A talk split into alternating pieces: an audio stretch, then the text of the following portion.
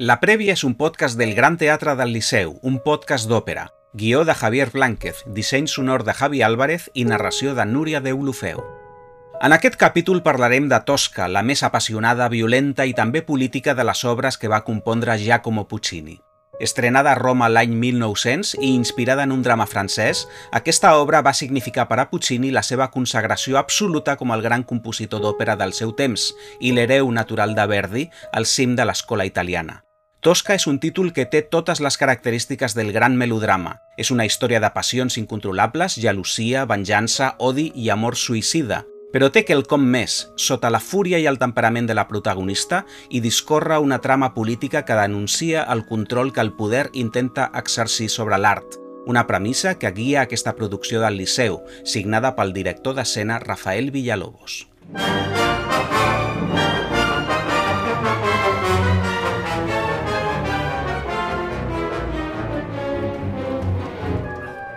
El paper protagonista de Tosca és un dels reptes més difícils que pot afrontar una soprano dramàtica. I n'hi ha un bon plegat de cantants que han arribat al personatge després de molts anys de preparació i mentalització. Aquest respecte que imposa és completament raonable. En el transcurs de l'òpera, Floria Tosca allibera una quantitat enorme d'energia física i mental. És un rol intens i complicat, que posa qualsevol cantant sota una pressió absoluta condicionada per diversos factors. D'una banda, tenim el pes de la història lírica, ja que les intèrprets més grans de tots els temps s'han consagrat cantant tosca, interioritzant-ne les seves passions i fent-les creïbles. I d'altra banda, hi ha l'enorme dificultat del paper, que exigeix una gran capacitat dramàtica, resistència física i una tècnica vocal que obliga a estar al més alt nivell. Així que davant d'una funció de tosca, el primer que els aficionats es pregunten és qui cantarà el rol principal. Per a les properes dates al Liceu tindrem fins a quatre tosques, quatre grans sopranos del moment. Maria Agresta ho farà en set funcions. Emily McGee cantarà en quatre dates. La gran soprano nord-americana Sondra Radvanowski ho farà el 17 i el 20 de gener. I la italiana Monica Zanetin té reservat el 12 de gener. Amb elles, en els altres papers centrals, tindrem tres grans cabaradossis els tenors Michael Fabiano, Josep Calella i Antonio Coriano, i dos temibles escàrpies, els baixos Selko Lucic i George Gagnitze. Tots són cantants experimentats, solvents, i estaran sota la direcció musical del mestre Henrik Nanasi i el servei de l'extraordinària direcció d'escena que, com ja hem dit, signa Rafael Villalobos. Ecco la capella! En la idea escènica de Tosca, Villalobos s'ha centrat principalment en la dimensió política de l'òpera, ja que una de les línies centrals que recorren la història és la influència que exerceix el baró Scarpia, el cap de la policia del Vaticà a la Roma de 1800, sobre els personatges principals. En la seva relació amb Tosca, Scarpia és un sàtir depravat que busca la submissió sexual de la protagonista. Però pel que fa a l'amant de Tosca, el pintor Mario Cavaradossi, Scarpia es presenta com un cruel repressor i un torturador no només per odi personal, sinó per tot el que el separa en les seves idees sobre el poder i la llibertat. Cavaradossi és un fill de la Revolució Francesa, un liberal que lluita per la caiguda de les tiranies, mentre que Escàrpia és un esbirro del poder absolut que controla mitjançant el terror la població sotmesa i terroritzada de Roma. I per sota d'aquest marc principal, l'òpera amaga una subtilesa. Cavaradossi és un artista, i el poder sempre ha tingut la temptació de controlar l'art. En la seva producció, Rafael Villalobos proposa diverses idees intel·ligents. La primera és connectar el Cavaradossi, perseguit per Scarpia, amb el director de cinema i escriptor Pier Paolo Pasolini, un altre artista romà, en aquest cas del segle XX, que va viure sota l'amenaça de les restes del feixisme que encara sobrevivien a Itàlia després de la caiguda de Mussolini i que va morir assassinat el 1975. Pasolini, fins i tot, és un personatge en aquesta producció. Un personatge silent, però que en certs moments dels tres actes s'infiltra en l'acció i projecta una ombra, ja que a partir de la seva presència s'anticipa el patiment i la mort de Cavaradossi. Per subratllar aquest terror, Villalobos ha elegit una segona referència a Pasolini al segon acte, l'estada del baró Escàrpia al Palau Farnese recorda els escenaris de la seva pel·lícula pòstuma Saló o els 120 dies de Gomorra, on es retrata l'abjecció sexual del cap de la policia vaticana amb retrats de joves nus i efeps que dormen després d'una cruel orgia. Una altra ombra artística que recorre aquesta producció és la del pintor barroc Caravaggio. Al final del segon acte, en què Tosca apunyala Escàrpia de la manera més brutal, anirà acompanyat del desplegament d'una versió de Judit i Holofernes, un dels quadres més violents de Caravaggio, inspirat en una història bíblica de venjança després d'una violació. Diem versió perquè la imatge que es mostrarà no és l'original de Caravaggio, sinó una variació creada pel pintor Santiago Idáñez, una de les figures principals de les arts plàstiques actuals i guanyador del Premi BMW de Pintura. Idáñez també ha creat per aquesta producció el quadre de la Magdalena, en què Caravadossi treballa al primer acte, així que la seva aportació a aquesta tosca és crucial. Amb aquestes dues referències principals, Pasolini i Caravaggio, Villalobos situa els personatges en un pla simbòlic d'una gran força. Cavaradossi com l'artista silenciat pel poder. Tosca com la dona violentada que es pren la justícia pel seu compte. I Scarpia com el malvat que rep el seu merescut. Tot per reforçar les línies principals d'un drama total que havia captivat Puccini i amb el qual es va obsessionar durant anys. Sobre aquesta circumstància, el Javier ens aporta més informació. La coloratura. La coloratura. La història de Tosca va arribar a Giacomo Puccini a finals del 1889, una mica més d'una dècada abans que aconseguís acabar i estrenar l'òpera. El drama original en francès, escrit per Victorien Sardou, s'havia estrenat a París dos anys abans i poc després va arribar al Teatre Filodramatici de Milà, amb Sara Bernard, la gran actriu d'aquell temps, interpretant el paper protagonista. L'obra es va representar en francès, una llengua que Puccini no parlava i que tot just comprenia, però això no va ser un obstacle perquè es quedés completament fascinat amb Tosca. En aquell punt va saber que volia posar música a aquesta història de venjança en què veia tots els ingredients d'una bona òpera tràgica. Així ho va fer saber al seu editor, Giulio Ricordi, però hi havia un problema – Puccini encara era un jove compositor desconegut que havia estrenat dues òperes sense cap èxit, mentre que La Tosca de Sardú era un èxit europeu. El mateix Puccini reconeixia que havia de millorar. Al capdavall, amb prou feines, havia complert els 31 anys.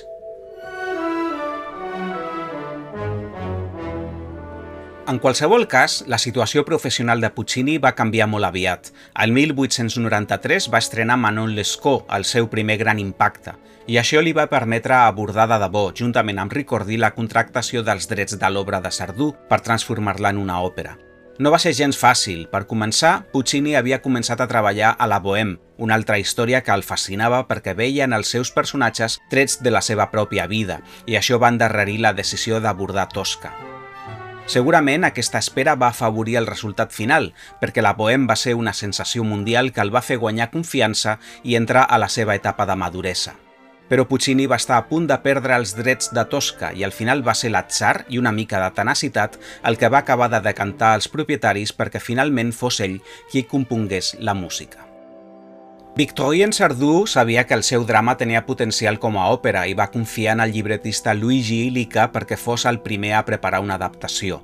Illica havia treballat amb Puccini a Manon Lescaut i la Bohème, però inicialment li va oferir el llibret a Verdi, que havia tornat a l'activitat amb Otello.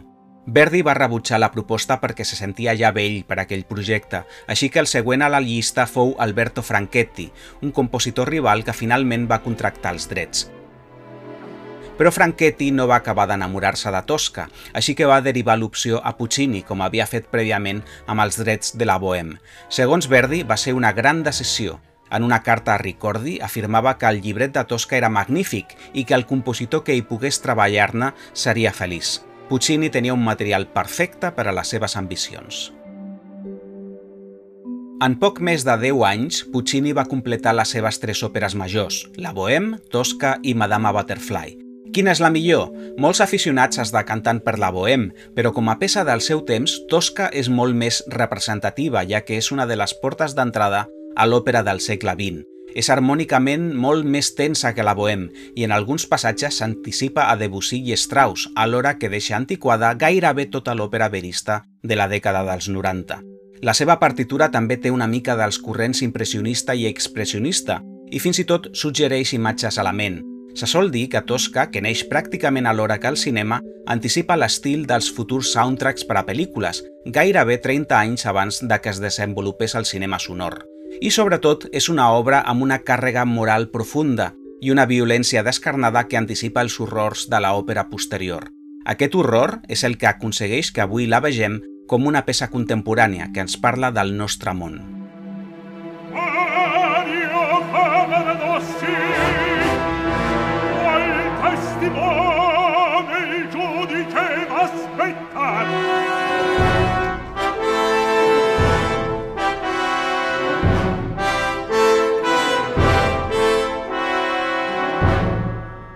L'acció de Tosca es desenvolupa a Roma durant un dia sencer, el 17 de juny del 1800.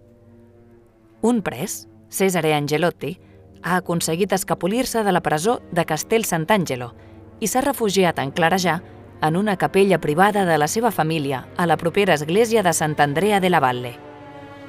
Allà espera l'arribada del pintor Mario Cavaradossi, l'única persona en què pot confiar per poder escapar de Roma i de la policia vaticana comandada pel terrible baró Scarpia. Mentre Angelotti s'amaga, comença el dia a l'església. El primer en arribar-hi és un sagristà que s'escandalitza davant la pintura en què està treballant Cavaradossi, una imatge de la Magdalena que curiosament s'assembla molt a una vella jove que acudeix regularment al temple a pregar. Recordem, a la producció, el quadre en escena és una nova creació de l'artista Santiago Idáñez. Més tard arriba Cavaradossi, que continua amb la seva feina mentre canta la primera ària, la cèlebre Recòndita Harmonia. Recòndita Harmonia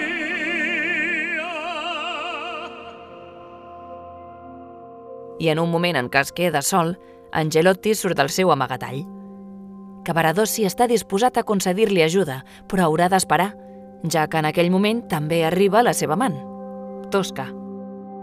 Floria Tosca és una dona apassionada i gelosa, tant que fins i tot es molesta pel fet que Mario estigui pintant una altra dona al seu retrat de la Magdalena.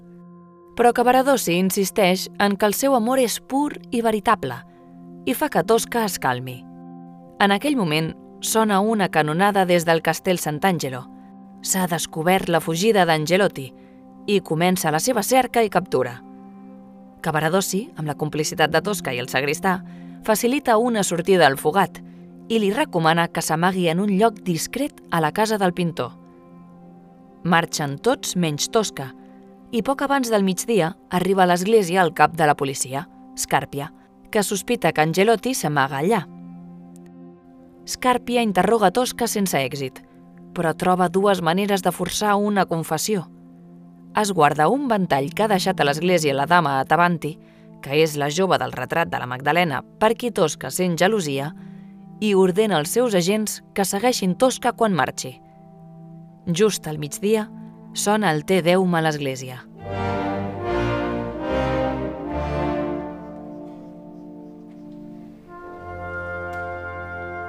L'acte segon té lloc a mitja tarda del mateix dia a les dependències d'Escàrpia, al Palau Farnese, on espera notícies sobre Angelotti. Mentre sopa, Scarpia té el desig de posseir Tosca, l'origen de les seves més perverses pulsions sexuals. Tosca, de fet, és al mateix edifici, interpretant una cantata, i Scarpia ordena que la condueixin davant seu per continuar l'interrogatori i debilitar la seva voluntat. En paral·lel, Scarpia és informat que han arrestat Cavaradossi per obstaculitzar la recerca d'Angelotti. No han trobat encara el fugat, però sospiten que el pintor sap on és i proposen torturar-lo per forçar una confessió. Cavaradossi i Tosca suposen a donar informació, però la tortura té el seu efecte i Tosca cedeix.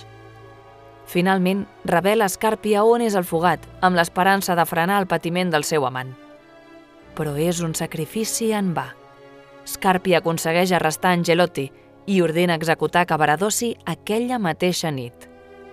A la part final del segon acte arriba el moment més esgarrifós i memorable. Tosca suplica a Scarpia l'alliberament de Cavaradossi i canta la seva ària més famosa, Vici d'Arte.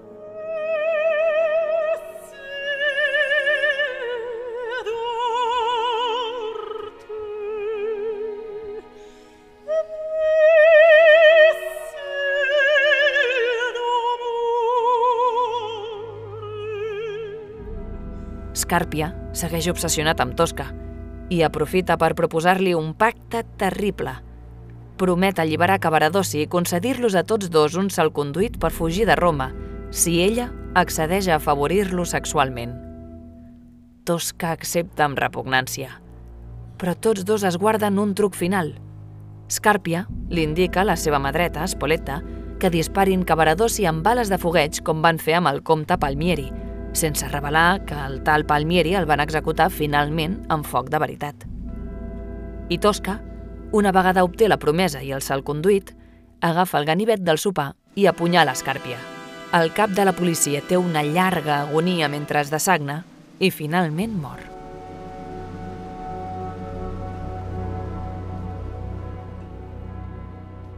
El tercer acte es desenvolupa a la matinada a les presons de Castel Sant'Angelo, on Cavaradossi espera la seva execució.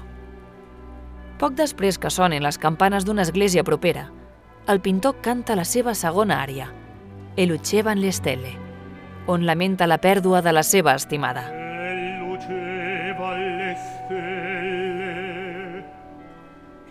Però al moment, Tosca arriba al castell i li diu que ha aconseguit un salconduit per fugir i que quan escolti els trets de la seva execució ha de caure i fer-se el mort. Però quan arriba el grup de fusellament, el que Tosca creu que serà una farsa, es converteix en una cruel revelació. Disparen Cavaradossi, se'n van tots i quan ella es queda sola amb el pintor, descobreix que és veritablement mort.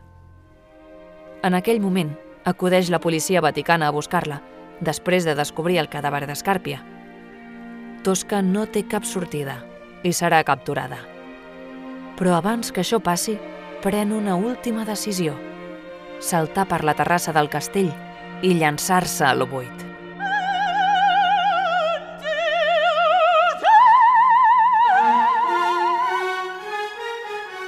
L'òpera sempre ha estat vinculada a la mort.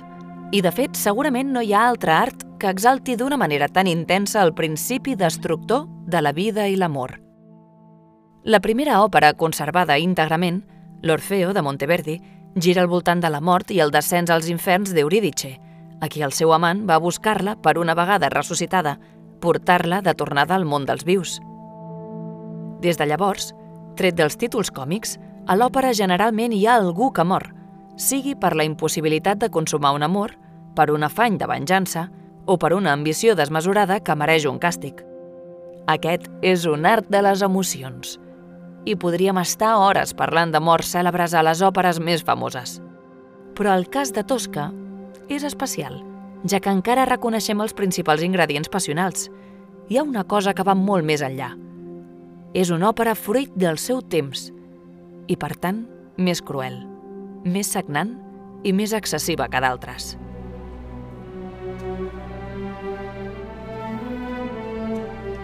En el trànsit del segle XIX al XX, l'òpera va travessar una fase particularment violenta, representada per dues de les escoles dominants a l'escena en aquell moment, el verisme i l'expressionisme.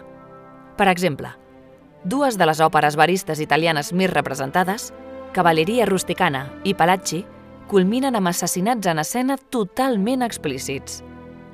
Hi ha exemples anteriors a la mateixa línia, com la cèlebre Carmen de Bisset, on la protagonista mor assassinada a sang freda i poc després de l'estrena de Tosca van arribar algunes de les òperes que més van commocionar el públic europeu, Salomé i Electra, de Richard Strauss.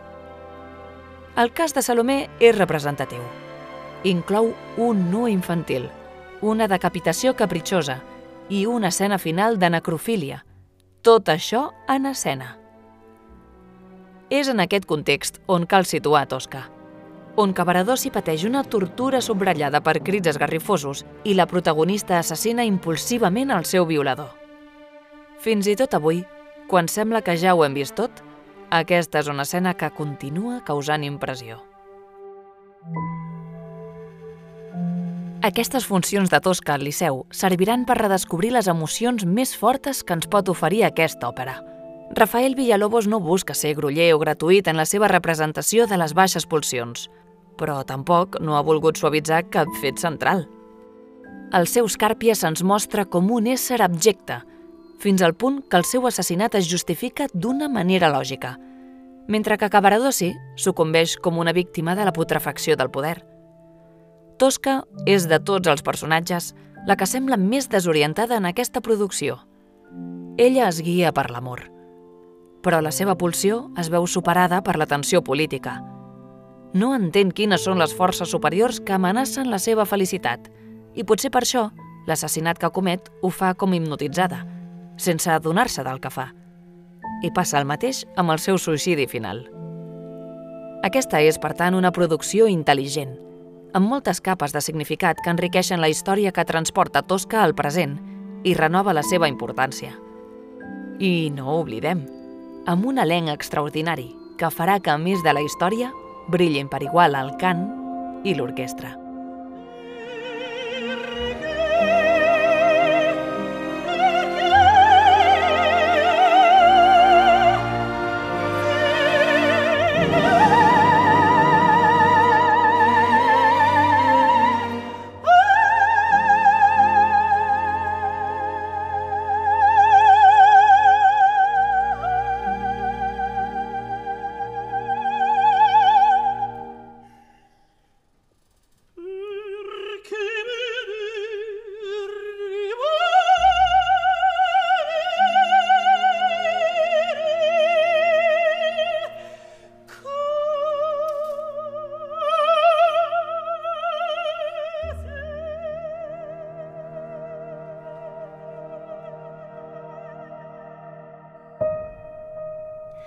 I fins aquí la prèvia de Tosca, un podcast que busca complementar i enriquir les òperes del Liceu, produït per La Màquina de Luz i amb la participació del Gran Teatre del Liceu.